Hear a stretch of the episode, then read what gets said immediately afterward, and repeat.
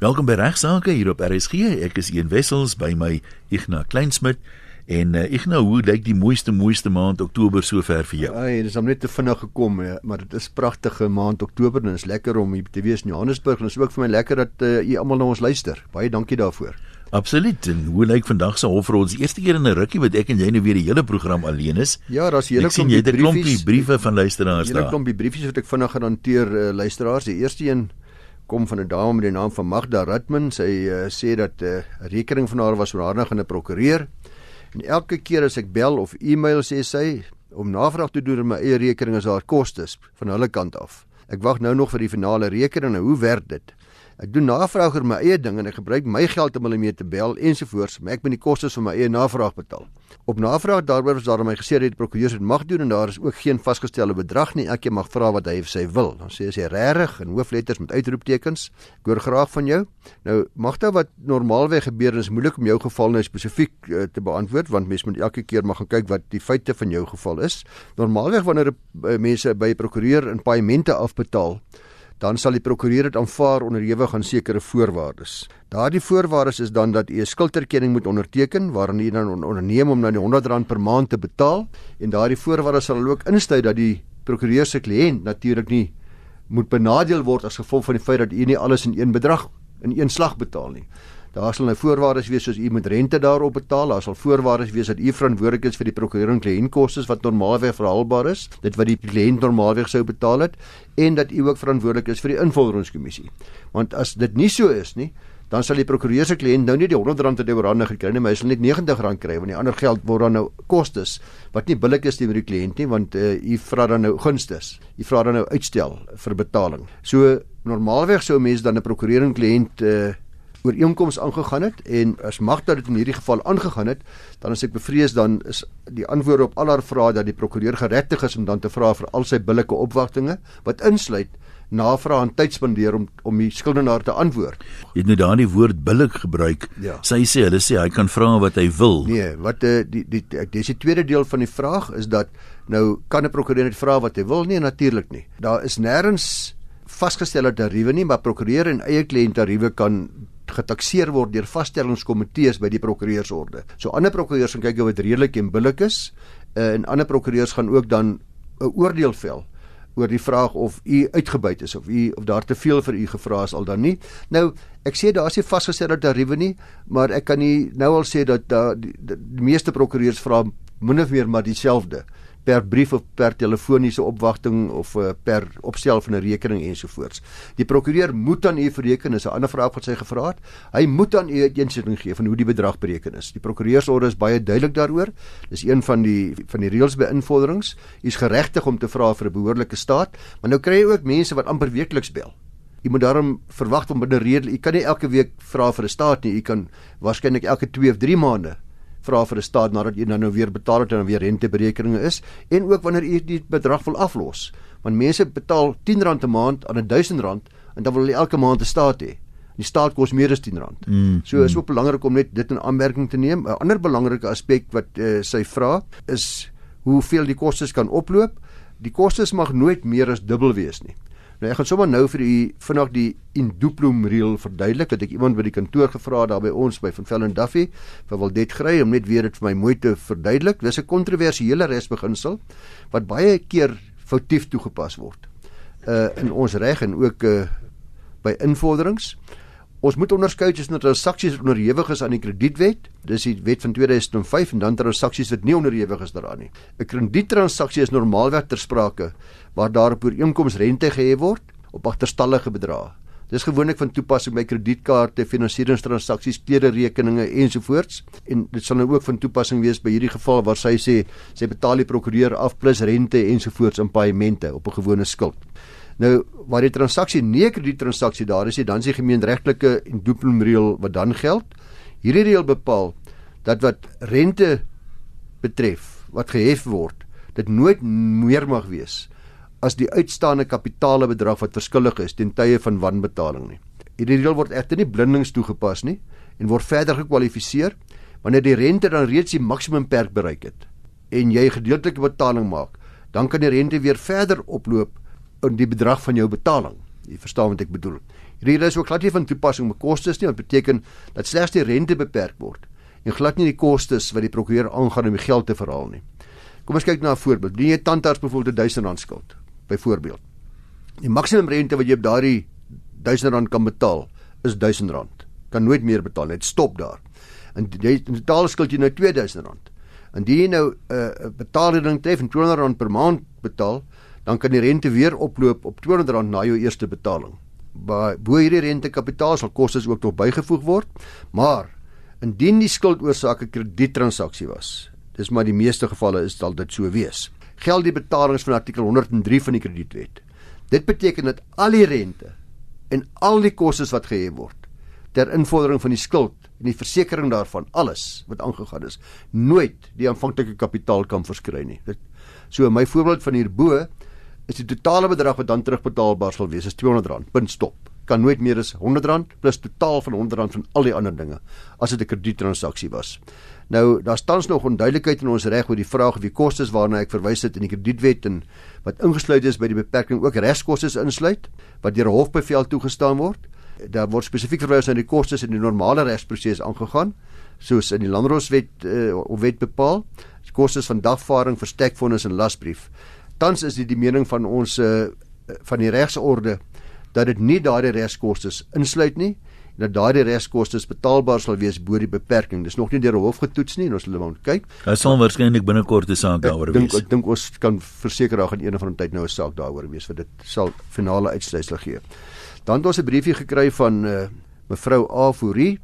Sy sê ek was op 12 November met 'n ER24 ambulans vervoer na Kormet Hospitaal uh net oor die straat vanaf Hersoort aftreeoort en van 'n Bylpark, sy's 'n pensionaris, sy's lid van die Gems Mediese Fonds. Nou dis op in November 2015 en Julie 2017 kry sy 'n staat van 'n invorderingsagentskap wat op 'n manier by uitkom per geluk sê sy van die adres is nie korrek nie, maar sy sê sy skuld 'n klomp geld vir ER24 vir die ambulansdiens. Dis nou uh, vir die diens wat amper 2 jaar terug gelewer is. Korrek ja. My mediese fonds sê dat nooit so rekening ontvang nie. ER24 sê hulle het een gestuur maar die fonds het gesê hulle gaan nie betaal nie. Wou dit nie betaal nie, is nie deel van die fonds reëls nie. Sy sê ek dink dit was dalk ER24 se nalatigheid, dit het nooit by state van my fonds gekom nie en hulle het nooit regtig kennis gegee nie. Sy vermoed dit nou, sy kan dit nie sê nie. Maar die vraag is nou wat sy vra, hulle kom nou 1 en 'n half jaar later, moet ek nou nog betaal? Kan net gou vir onderbreek, nou ja. skus tog. Sal dit baie van die fondse het reëls die die, die die eis moet ingedien word binne 'n sekere tyd. Ja. Uh sê nou hulle dit nooit ontvang nie. Uh, ek weet nie of daar 'n uh, Ja. Is dit billik is dit sê nou nog die eis kan indien na die mediese fonds toe en sê die ding kom nou onder my aandag, gaan jy dit betaal nie? Goeie vraag 1 want onthou die mediese fonds is in eerste plek het 'n kontrak met u met mevrou Fourie. My mediese fonds het ek het 'n kontrak. My mediese fonds het nie 'n kontrak met die dokter nie of met die ambulansdiens nie of met een of ander diensverskaffer nie. Die kontrak is tussen ons twee. Nou die reëls van daardie mediese fonds, ek weet nie hoe James en lees nie, is baie belangrik om na te kyk. Hulle gaan waarskynlik u verplig om binne 'n sekere tyd u eis in te dien. Wat hulle wel doen, die uh, meeste dokters en ook diensverskaffers, hulle sê hulle sal u behulpsaam wees om u eis in te dien. In 'n woorde, my dokter sal sê ek gaan die eis vir jou indien, Ignas, maar onthou net, as die eis nie betaal word nie, bly die ja. lid van die mediese fonds nog steeds in die laaste instansie en in die eerste instansie aanspreeklik. In hierdie geval beweer hulle hulle het die eis ingedien. U beweer dit is moontlik nie gedoen nie.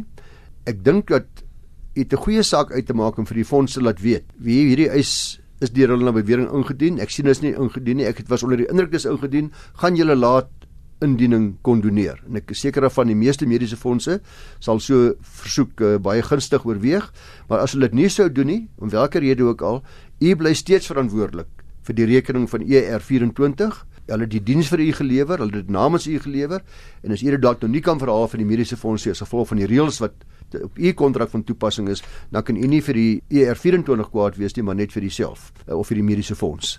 So hmm. ongelukkig u se moet betaal en dan die mediese fonds moet opskroef en vir hulle mooi moet die omstandighede verduidelik. Mense verwag altyd die ergste, maar as jy met die regte gesindheid met ouens praat en sê kom ons kyk of ons hierdie ding kan uitsorteer nie, is hulle gewoonlik baie billik en redelik. Dit is so daar is van die mediese fondslede wat klaar dat hulle nie kommunikasie met hulle mediese fondse baie moeilik is, maar die mediese fondse wat ek weet te doen dit is gewoonlik baie vinnig om te reageer en vir jou te verduidelik waarom 'n bedrag betaal is of nie betaal is nie. Dan kry ek 'n briefie wat een wat jy vir my gestuur het. Jy sê iemand vra 'n baie ongewone vraag op Facebook. jy praat van Facebook, ek noem hom so ja, op Facebook. Dis 'n interessante mooi manier van Facebook te skryf. Is meningsverskille op ja. Facebook. Sy weet van 'n amateur golfspeler wat so sy dit stel, sy voorgee manipuleer. Dit het tot gevolg dat hy baie pryse in kompetisies wen wat hy met sy korrekte voorgee nie sou gewen het nie. Sy vra of hy strafregtelik van bedrog aangekla kan word. Nou ek ken 'n klomp vriende wat golf speel en ek genoem ek weet nie of ek nou name moet noem met my onmiddellik laat dink het. briefie. Maar uh, ek het vir Bertie Grobbelaar, 'n uh, sportreg spesialis daar by van Velendorf in Rustenburg gevra om my te help met hierdie antwoord want ek was vasgevra.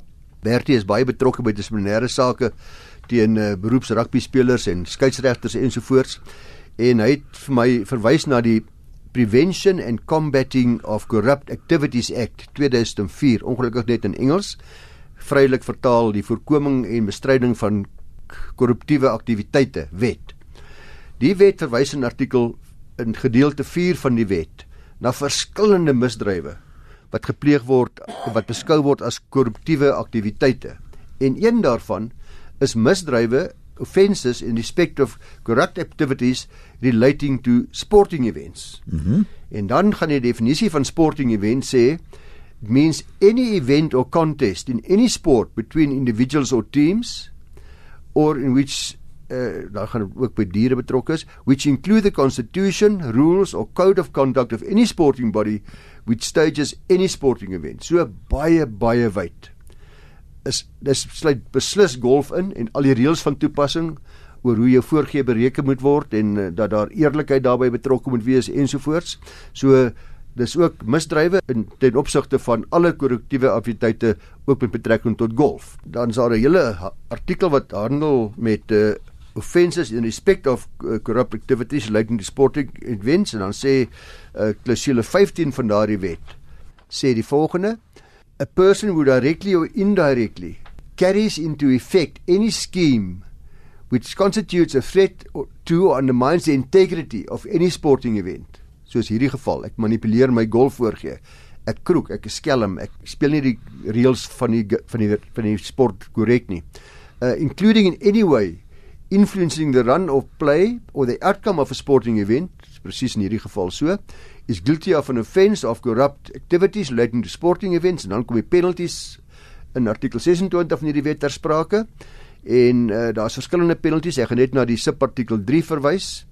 Uh, gedeelte 1 2 en 3 en 4 van artikel 18 van hoofstuk 2 die volgende moontlik in the case of a sentence to be opposed by a magistrate's court to a fine or imprisonment for a period not exceeding 5 years. So jy kan 'n boete opgelê word of tronkstraf kry wat nie meer as 5 jaar kan wees nie wat insluit wanneer u u voorgee op 'n bedrieglike wyse manipuleer. Wat verhoed dit gewone bedrog is hierdie? Nee, hierdie kan nog steeds gemeenregtelike bedrog wees. Met ander woorde, ek het dit gedoen met die oog daarop om uh, ander te benadeel en myself te bevoordeel want ek gaan nou die prys wen. Sê net maar daar's 'n groot prys van R1000 of R10000. Maar hierdie wet handel spesifiek met wat is die definisie van korruktiewe aktiv aktiwiteite en nou maak jy dit ook 'n statutêre oortreding. Nie net gemeenregtelik nie. As jy die volgende doen in sport, hoef ek nie te bewys as bedrog nie. So is makliker eintlik om te vervolg. Baie makliker om dit om te vervolg sonder om die al die elemente van bedrog te bewys.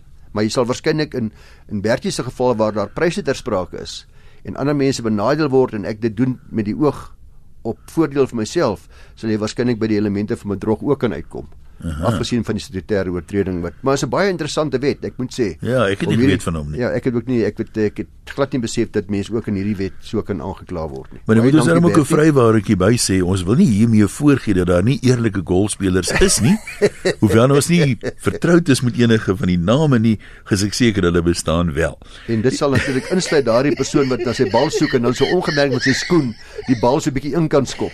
Ek nou het nog 'n hele paar interessante lyk soos hofsaake daar is so van hierdie kant af vloer Igne wat jy met ons kan deel? Ja, dit is hofsaake Ian en interessant en jy sê dit lyk soos hofsaake hierdie ou dik boeke wat mense het hierdie groot hofverslae was deesdae vervang deur 'n klein stiffie wat die groot ja, biblioteek nee. alles in een slag vervat nee dis ongelooflik dit moet dit baie makliker maak want ek meen sê nou jy's nou 'n prokureur en jy moet iemand verdedig na sleutelwoord te sê net maar bedrog argument sal. Ja.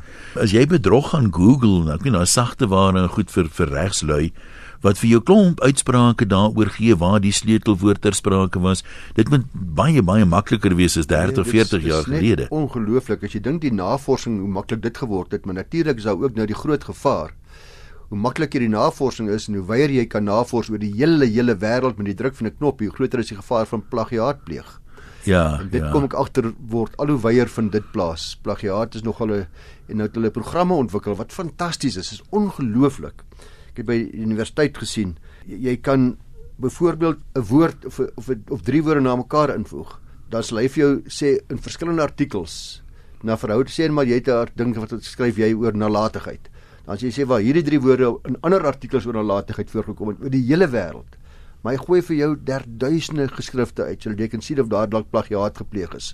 Of hierdie woorde wat die student geskryf het. Ja. Of die professor of die dokter in sy teses of dit nie dieselfde woorde is wat gebruik is in 'n soortgelyke eh, teses of eh, of 'n artikel in 'n vorige tydskrif nie. Ja, en kyk baie van die artikels is 'n mening wat die skrywer uitspreek, ja. is nie noodwendig vaste reg nie, maar mense sit ook goed op Wikipedia baie keer dit lyk soos 'n dit klink soos feite, maar dit is nie geverifieer nie. Ja. So mense moet ook maar twee keer dink voor jy die goed nou as bronne wil aanhaal. Ja, presies.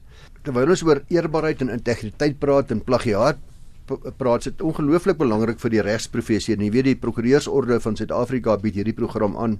Hulle doen dit om uh, ook daarom so bietjie die beeld van die prokureur van tyd tot tyd te poets en te sê dat ons ook beskikbaar is en bereid is om die publiek behulpsaam te wees maar die eerbare en die etiese waardes van die regprofessie is belangrik vir die prokureursorde om te onderhou in die saak van eksperte Mediogolo Mediogolo is 'n saak wat on, in die einde van 2016 plaasgevind het het dit gehandel met iemand wat 'n regsgraad ontvang het en daarna die klerkskap gedoen het en uh, dan moet die persoon 'n aansoek by die hof bring om toegelaat te word as prokureur Nou eers nadat sodanige aansoek toegestaan is, eers dan kan 'n mens praktiseer as prokureur.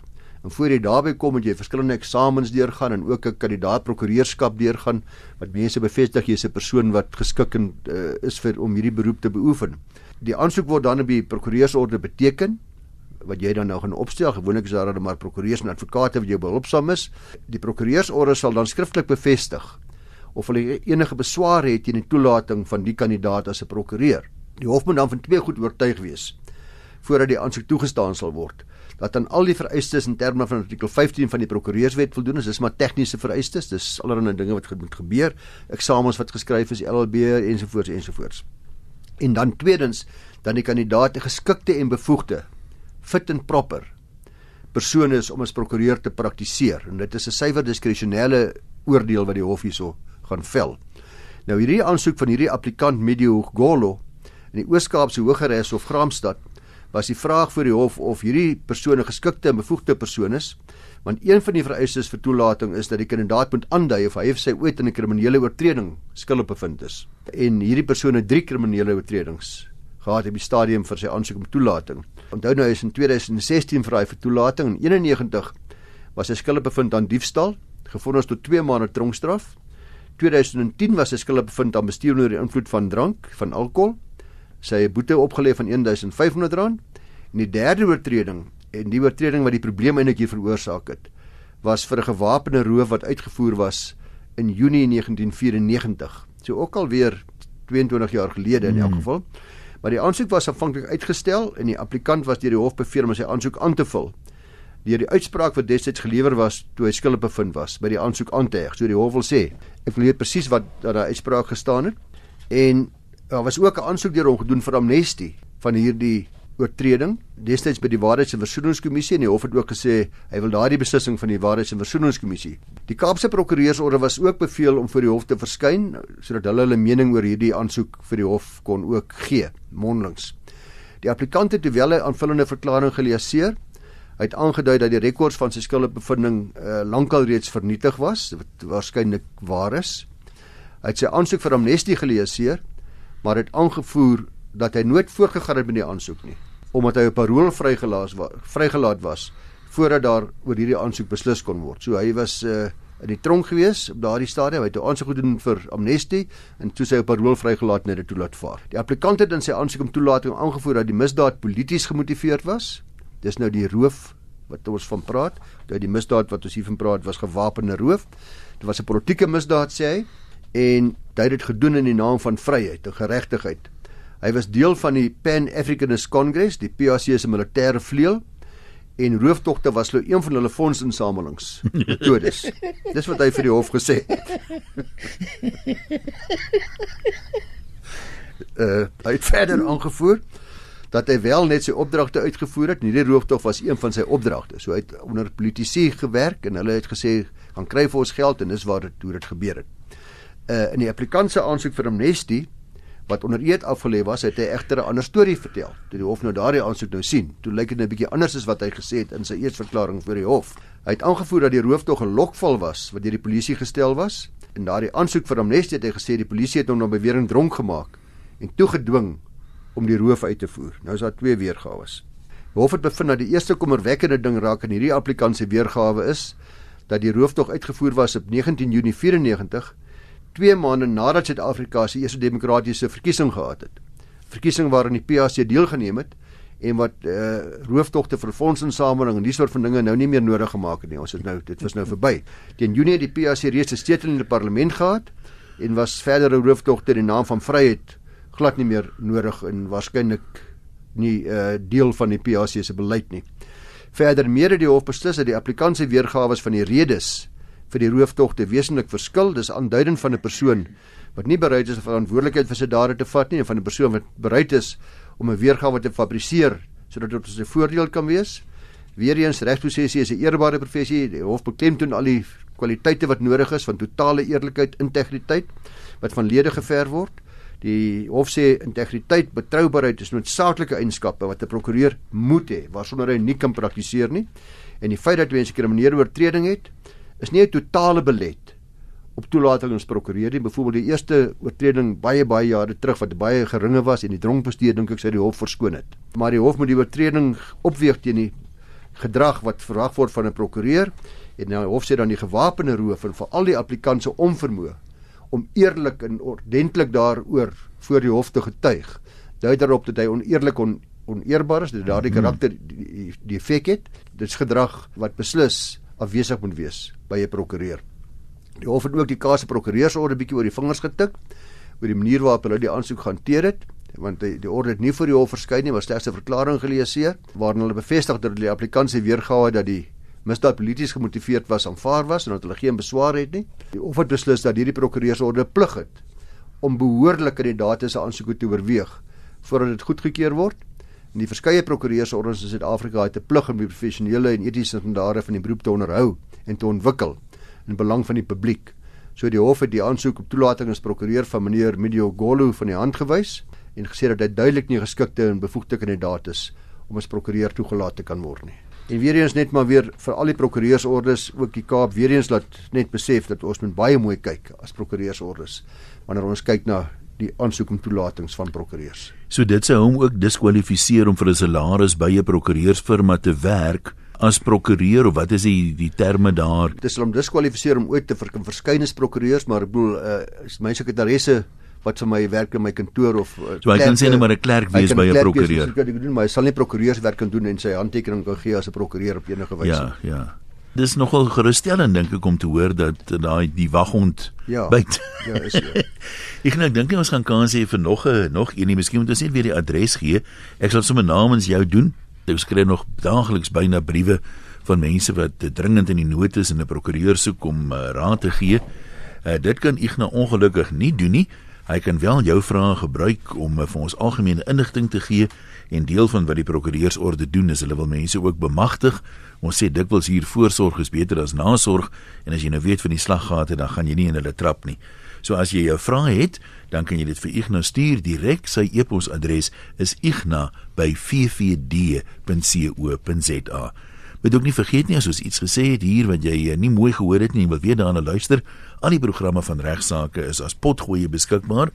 Jy gaan na RSG se webwerf toe, rsg.co.za, klik daar bo op potgooi en gebruik regsaake as sleutelwoord en dan kan jy so afgaan die jongste program sal bo wees en daar is ook 'n kort opsomming van die inhoud van elke program. Nou ek sê vir jou baie dankie, ons praat volgende maand weer. Baie dankie Ian, groete aan al die luisteraars.